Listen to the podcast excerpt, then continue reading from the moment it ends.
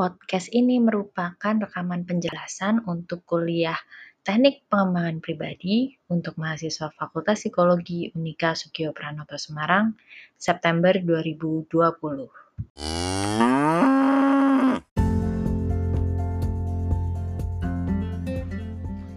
Hey, halo, selamat pagi, selamat hari Senin pagi, selamat memulai para kuliahan dan aktivitas di minggu yang baru hari ini kita akan memulai dengan tokoh yang baru pula. Kalau kemarin kita sudah ngomongin soal Alford, hari ini kita akan ngomongin tentang Bapak Carl Rogers. Nah, teman-teman jangan lupa pastikan sudah mendownload materi di cyber, lalu bersama-sama kita akan uh, menyimak mengenai Carl Rogers. Dan jangan lupa setiap pergantian slide akan ada sapi yang membangunkan dan memastikan kalian on track. Dan hari ini kita tidak ada video call karena Senin ya agak saya juga agak males kalau harus uh, kalau harus terlalu serius. Tapi ada sedikit tugas yang ya semoga tidak terlalu membebani kalian dan nanti akan diupload di forum discussion. Oke, okay, begitu. Sekarang kita mulai mendengarkan The Life of Carl Rogers. Silakan kita berpindah ke slide yang kedua.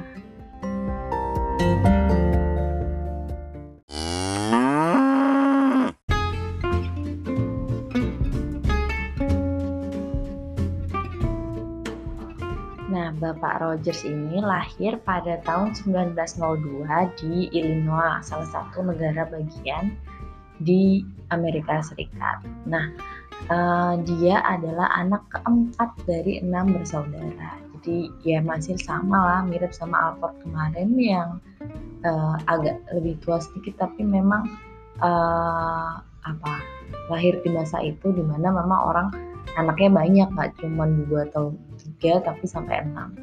Nah uh, keluarganya juga masih mirip dengan Alfred itu keluarganya Rogers ini keluarga yang sangat religius jadi uh, mereka juga uh, Protestan yang taat dan orang tuanya menanamkan bahwa dia harus menerapkan kehidupan-kehidupan uh, atau apa namanya ajaran atau sikap yang uh, sangat uh, Kristiani di mana dia harus taat membaca Alkitab terus nggak boleh uh, ini nih anak kecil nggak boleh nari nggak boleh main kartu nggak boleh nonton TV nggak boleh smoke atau merokok, terus tidak boleh drink atau minum minuman keras dan tidak boleh menunjukkan uh, ketertarikan seksual pada orang lain.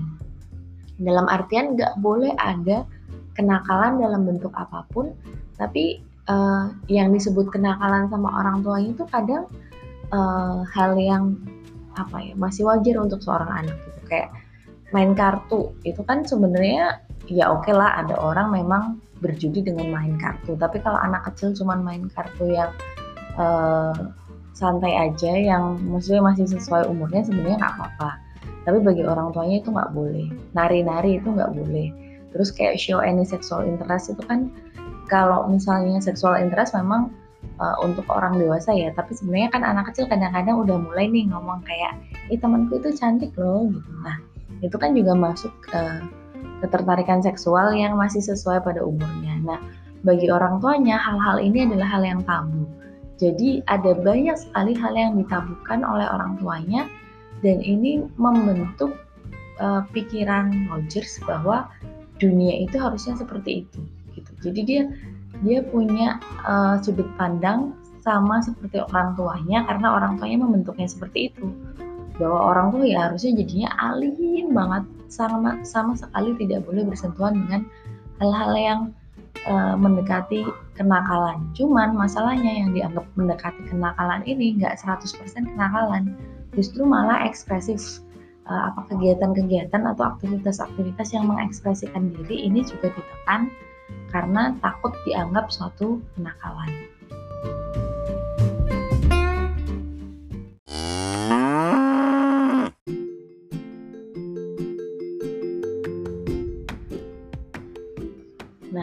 Berikutnya ini ada isu yang masih mirip sama Alford.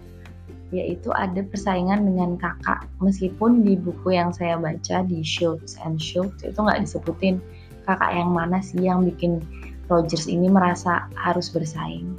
Nah cuman kalau di Alport itu kan kalau Alport memang iri sama satu kakak yang spesifik itu dan itu karena dirinya sendiri.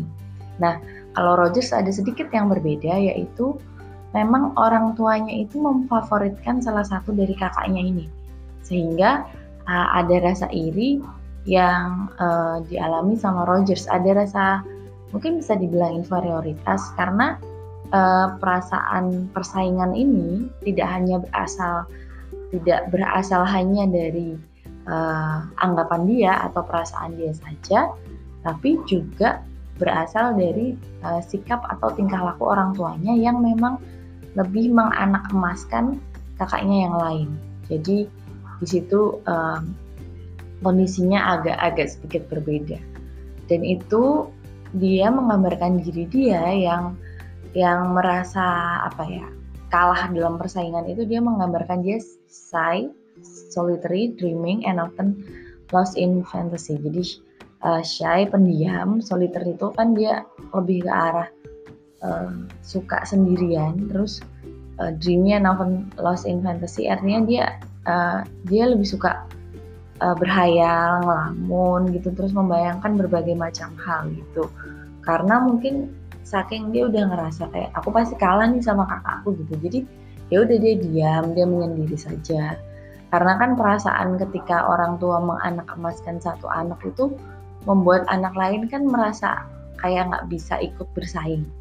Masih agak enak kalau di Alport itu dia masih ingin menyaingi dia masih ingin apa namanya makanya kan kalau Alford Alford kan benar-benar kayak uh, mencari atau apa namanya mengekor ke kakaknya ya. Kalau ini perasaannya itu lebih ke arah karena mereka team up gitu ya. Orang tuanya itu jadi satu tim gitulah sama kakaknya maka itu dia jadi lebih merasa menyendiri aja si Rogers nah uh, kan dia ngerasa yang namanya loneliness tuh. Nah, waktu Roger sudah dewasa, sudah tua bahkan, ketika dia sudah bikin terapinya, dia dia bilang gini, kalau aku ngeliat balik lagi nih ke belakang ke masa kecilku, aku baru ngeh, aku baru sadar kalau uh, aku punya interest atau aku punya ketertarikan untuk selalu nge-interview orang dan ketertarikan itu itu sebenarnya berawal dari uh, rasa kesepian atau loneliness yang aku rasain dari kecil. Gitu. Jadi karena waktu kecil dia ngerasa loneliness uh, implikasinya ketika dewasa adalah dia selalu ingin banyak uh, menginterview dan sangat tertarik untuk nge-interview orang. Nah, menurut dia ini adalah suatu cara yang uh, secara sosial itu di-approve atau di, diterima lah orang-orang lain untuk bisa dekat dengan individu yang lain. Melakukan interview kan kamu bisa dekat dengan individu yang lain. Sedangkan waktu kecil dia ngerasa kayak nggak ada yang bisa dekat sama dia. Nah, sehingga proses dia melakukan terapi itu uh, menutupi atau bahkan memuaskan hal-hal yang dulu tidak bisa dipuaskan dia waktu kecil yaitu rasa-rasa lapar akan pertemanan yang di sini adalah uh, pertemanan dengan kakak dan orang tuanya yang uh, memang pilih kasih seperti itu.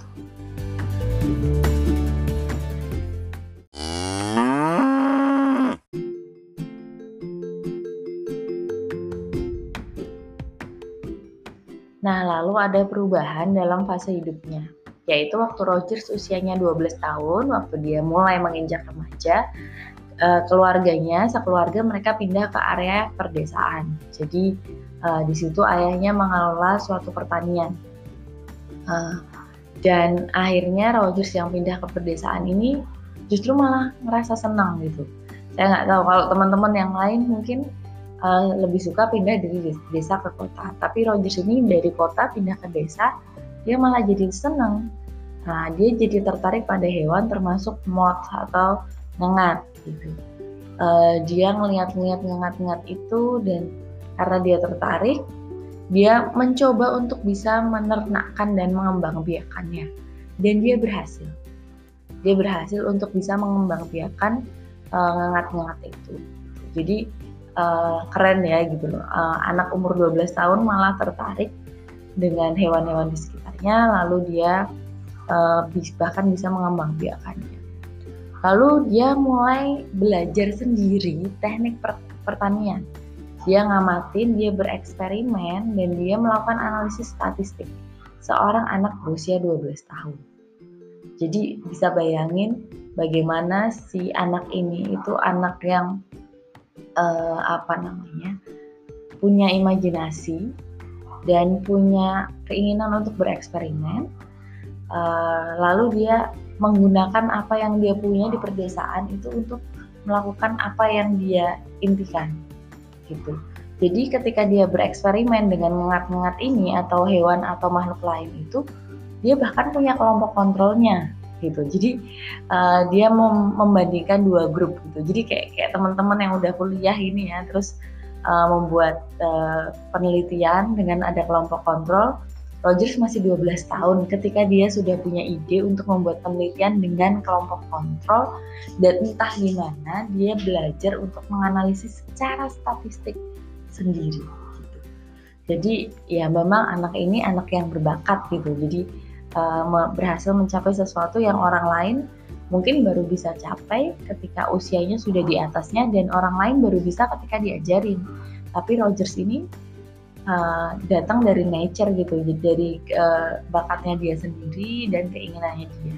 Dan uh, nanti suatu saat kalau kita baca lagi teori-teorinya, dia memang banyak melakukan pengamatan ke hewan atau uh, makhluk-makhluk yang ada di sekitar, sehingga dia bisa menelurkan teori uh, person centered itu. Jadi benar-benar dia melihat fenomena yang ada di alam, terus dia uh, apa namanya mengambil fenomena itu dan kemudian dia uh, pakai itu dalam penanganan ke manusia. Jadi Rogers ini bukan cuma pintar, dia ini jenius kalau menurut saya. Coba bayangin, uh, bukan cuma teori psikologi akarnya, tapi juga teori biologi kan di sini. Dan ada sedikit fisikanya kayaknya kalau dia tuh. Jadi uh, hebat sekali. Nah, uh, meskipun begitu dia ngerasa kalau waktu kecil itu dia terlalu banyak uh, apa namanya berhayal dan hayalannya itu terlalu besar terlalu aneh, terlalu berbeda, terlalu abnormal dari anak-anak lain seusianya. Uh, dan uh, pada satu titik, ketika dia sudah uh, belajar psikologi mendalam, dia melihat masa ini, masa ketika dia kecil ini, ketika dia remaja dan mengembang biakan mengat ini, dia ngerasa gini, kayaknya dulu waktu kecil tuh aku skizoid. Tahu ya gangguan kepribadian skizoid di mana oh, anak tuh eh anak individu itu terlalu diem uh, terus apa nggak berinteraksi dengan orang lain. Jadi kayak kalau kita kan kalau ketemu teman itu ada keinginan untuk ngobrol gitu ya. Nah Rogers tuh enggak nggak ada keinginan untuk ngobrol berinteraksi sosial dengan orang lain tapi keinginannya hanya untuk uh, mengembangbiakan si ngengat dan mengamati daerah pertaniannya itu gitu nah uh, Rogers bilang gini, untung dulu aku nggak dibawa ke psikiater atau psikolog karena aku aku ngerasa dulu aku skizoid, aneh, punya banyak imajinasi dan nggak mau bergaul dengan orang lain gitu. Dan dia bilang kalau aku didiagnosis mungkin kondisiku akan lebih parah justru. Dia ngerasa dengan dia tidak datang ke psikolog dan tidak didiagnosis justru dia jadi berkembang meskipun dia aneh tapi dia bisa mencapai pencapaian yang baik. Nah ini makanya kalau kalian lihat person center itu person center itu sama sekali nggak pernah ngediagnosis orang. Karena apa? Ketika kita mendiagnosis orang, kadang kita membuat orang itu berhenti pada state itu gitu, berhenti pada diagnosis itu. Padahal uh, misalnya pun orang didiagnosis, dia tuh masih punya banyak kelebihan Nah, si Rogers merasa bahwa meskipun dia aneh, meskipun dia imajinasinya macam-macam, nggak mau bergaul, tapi uh, ada banyak hal yang positif yang dia bisa capai uh, terlepas dari dia punya imajinasi yang aneh-aneh itu. Makanya tidak ada diagnosis yang diberikan pada orang lain agar membantu orang lain itu terus bertumbuh sesuai dengan keanehan-keanehan yang dia punya.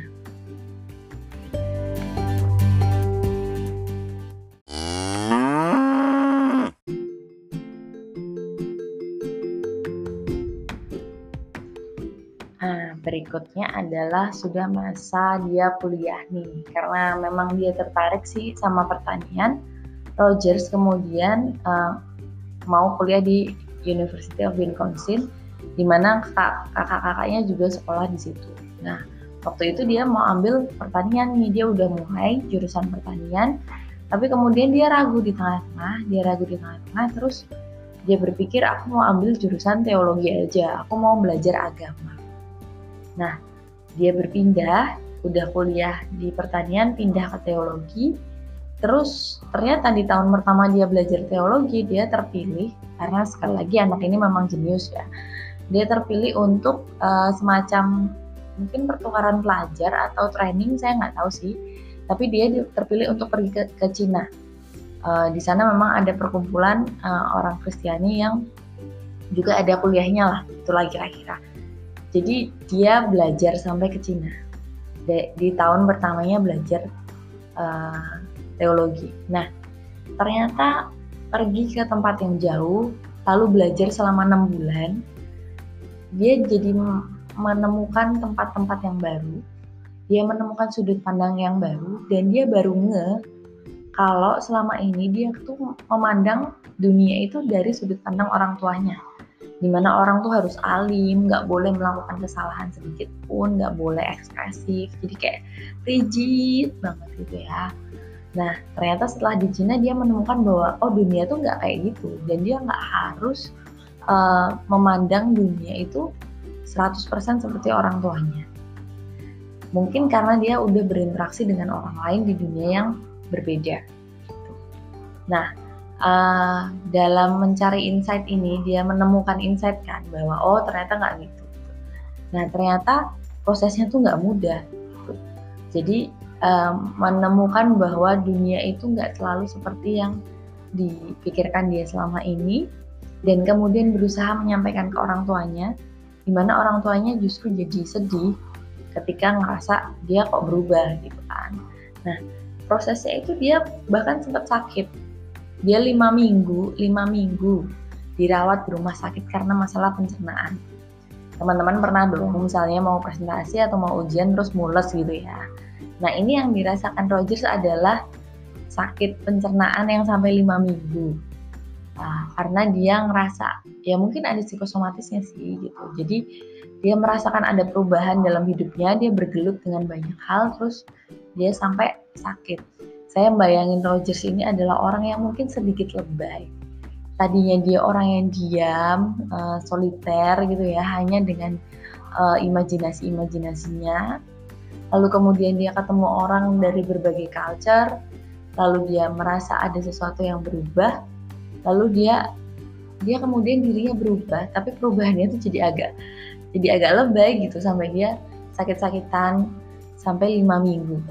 Nah, memang proses ketika kita menemui sesuatu yang berbeda, proses ketika dia apa namanya uh, mendapatkan sudut pandang yang lain, kadang-kadang nggak bisa langsung diterima sama diri kita.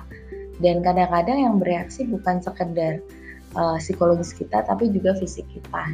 Nah, di sinilah Roger sampai harus dirawat lima minggu karena fisiknya yang mungkin tidak siap untuk menerima perubahan.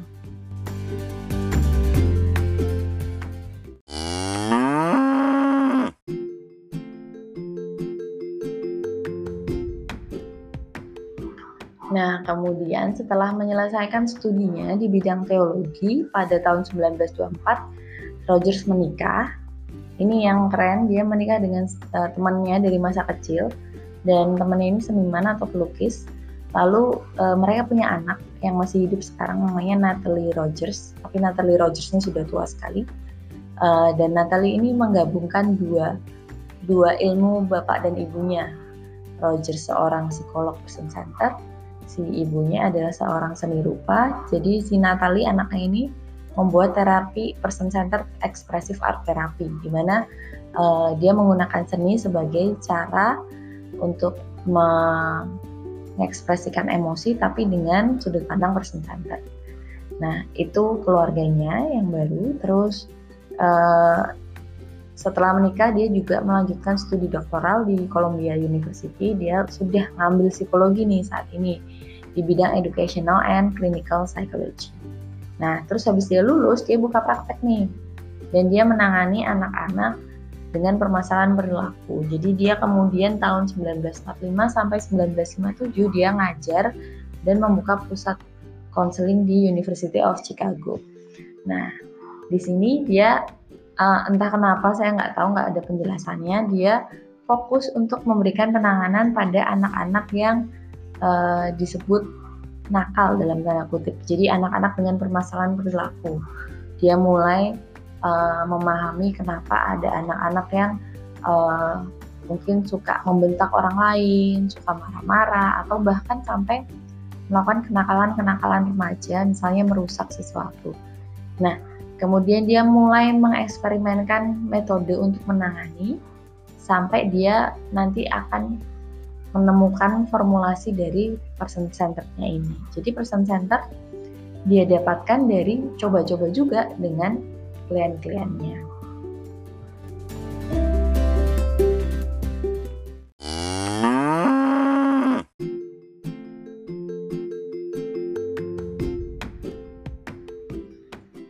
Nah, ternyata orang sejenius dan sebesar Rogers pun pernah mengalami yang namanya breakdown.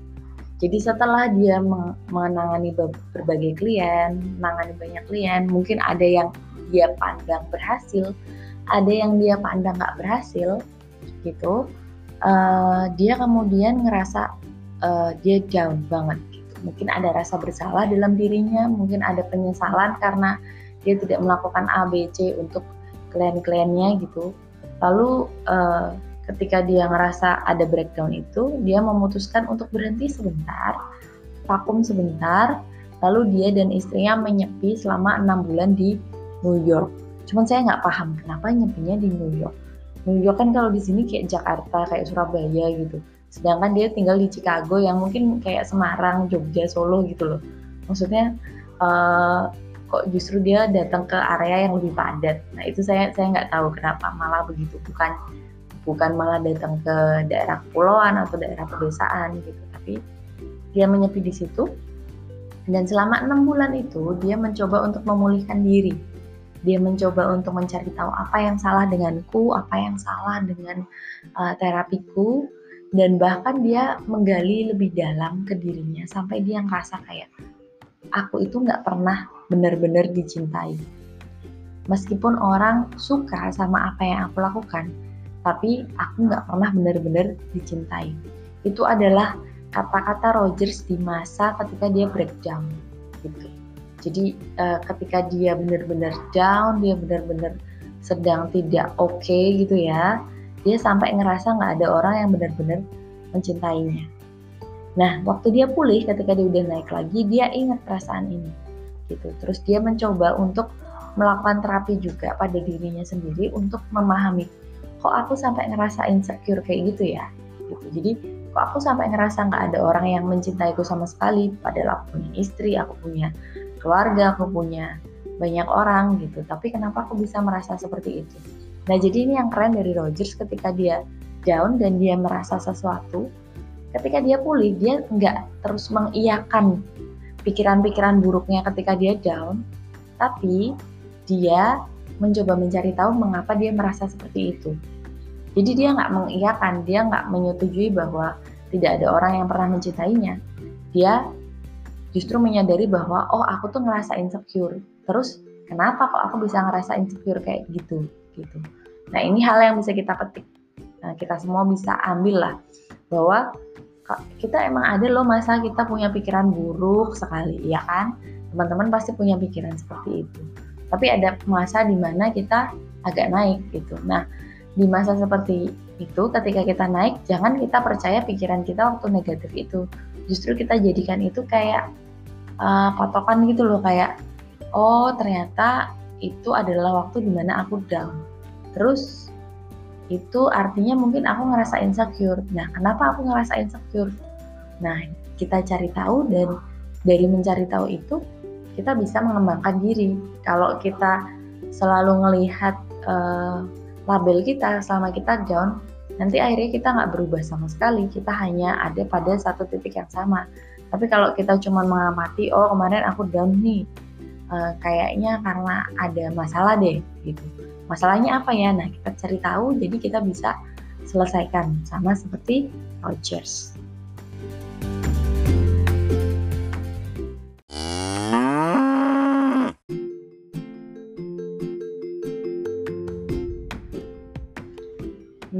Akhirnya happy endingnya adalah dia akhirnya menemukan dirinya dan dari perasaan-perasaan merasa tidak dicintai yang dia rasakan, dia justru mengetahui bahwa aku punya lubang dalam hidupku dan terapiku bisa jadi sukses itu justru karena dia menemukan rasa tidak dicintai itu jadi akar.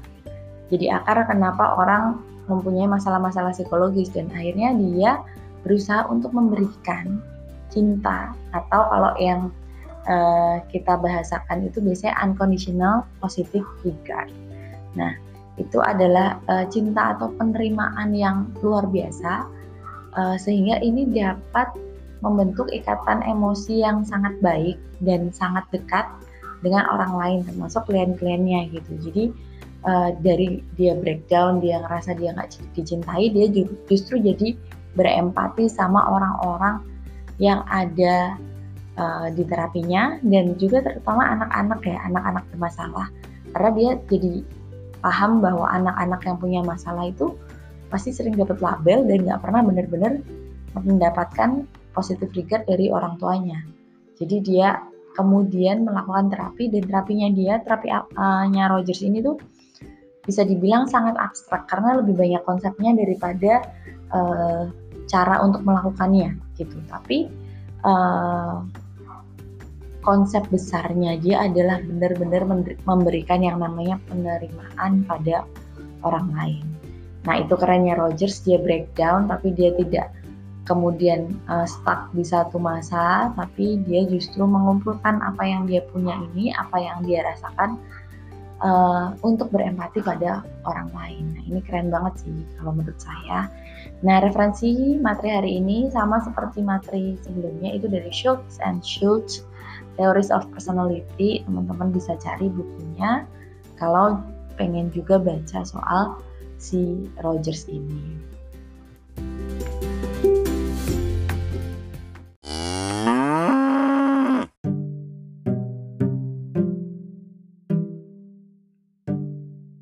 Oke, okay, kita sekarang sampai pada tugas, tapi um, tugasnya saya bikin semoga asik buat kalian. Um, jadi gini, kan tadi ceritanya Rogers tuh punya imajinasi dan imajinasi ini kan imajinasi yang aneh, tapi ternyata uh, dari imajinasi dia bisa bereksperimen dan akhirnya juga bisa menemukan banyak hal termasuk teori. Jadi hari ini saya ingin teman-teman menggambarkan imajinasi kalian yang paling bizarre, paling aneh gitu. Gambar, tapi ada beberapa aturan dalam gambar ini. Yang pertama adalah uh, kamu boleh pakai alat gambar apa pun yang ada. Jadi saya tekankan ya alat gambar apa pun yang ada. Kalau kamu punya kertas dan pulpen uh, atau dan pensil warna dan krayon boleh kamu gunakan. Tapi kalau kamu nggak punya itu, kamu hanya punya ya kertas saja dan uh, misalnya satu pensil doang, ya udah gunakan itu, gunakan yang ada dan explore. Tapi tetap gambarnya manual ya, bukan gambar di HP.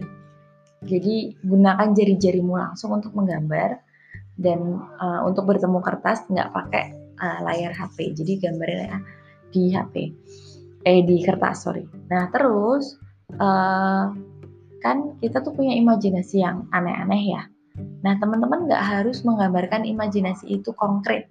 Kalian boleh gambarkan imajinasi itu secara abstrak.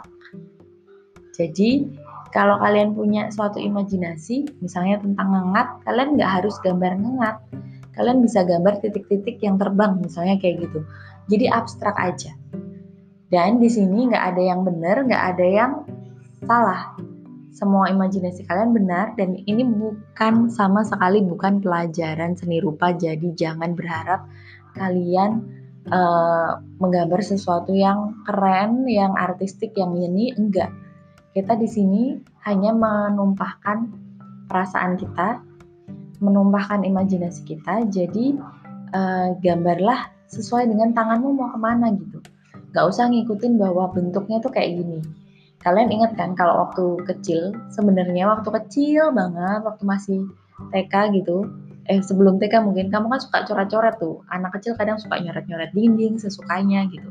Tapi begitu masuk TK, kita diajarin nih kalau gambar gunung tuh kayak gini, warnanya uh, biru, kalau gambar rumah tuh kayak gini gitu. Nah, saya nggak mau kita ada di state ketika kita udah diajarin cara gambar. Baliklah ke state di mana kamu masih kecil, dan kamu gambar terserah mau bagus mau jelek mau berbentuk mau enggak itu terserah. Tapi gambarkan saja imajinasimu. Gitu. Jadi uh, have fun dengan itu. Gambarkan semuanya. Lalu beri deskripsi. Oke okay? beri deskripsi dari gambarmu. Hanya begini. Untuk deskripsi saya mau minta kamu tidak mendeskripsikan terlalu banyak. Kenapa? Karena hari ini kita akan um, menceritakan mengenai imajinasi kita dan uh, yang lebih penting itu bukan orang lain tahu imajinasimu apa, tapi kamu mengeluarkan imajinasi ini ke gambar. Jadi yang lebih penting adalah kita berproses di gambar itu, bukan kita menceritakan proses itu ke orang lain. Semoga paham ya. Jadi yang lebih penting itu di kamunya, di kamu berproses dengan gambar itu, kamu bersenang-senang dengan gambar itu, kamu menumpahkan imajinasimu dengan gambar itu. Mau orang lain paham, mau orang lain tahu atau enggak, terserah mereka. Jadi, setelah menggambar, kamu beri deskripsi di forum discussion itu dua kalimat aja, maksimal dua kalimat. Kamu boleh nulis secara langsung, tapi dua kalimat karena kita nggak akan cerita terlalu panjang. Atau kalau misalnya kamu nggak mau cerita langsung, kamu boleh kok pakai quote-quote yang kamu suka dari uh, orang yang kamu kagumi atau dari TV, dari buku yang kamu baca boleh. Tapi maksimal dua kalimat aja ya. Karena intinya bukan di menunjukkan karyamu ke orang, tapi uh, kamu berproses di menggambarnya. Oke? Okay? Nah, nanti gambar sama kalimat semuanya di post di forum discussion sesuai dengan uh, apa namanya kelompok kalian masing-masing. Terus jangan lupa kalau di forum discussion itu maksimal cuma satu mega apa ya? Kayaknya cuma satu mega. Jadi uh, teman-teman tolong gambarnya jangan terlalu berat, oke? Okay? Gambarnya yang enteng aja. Begitu. Semoga cukup bisa dipahami tugasnya. Silahkan bersenang-senang dengan tugas kalian dan uh, siapa tahu ya kalian menyadari uh, imajinasi kalian suatu saat kalian bisa, bisa bikin teori sendiri gitu dari imajinasi kalian sama seperti Rogers. Terima kasih, selamat pagi dan selamat mengerjakan tugas.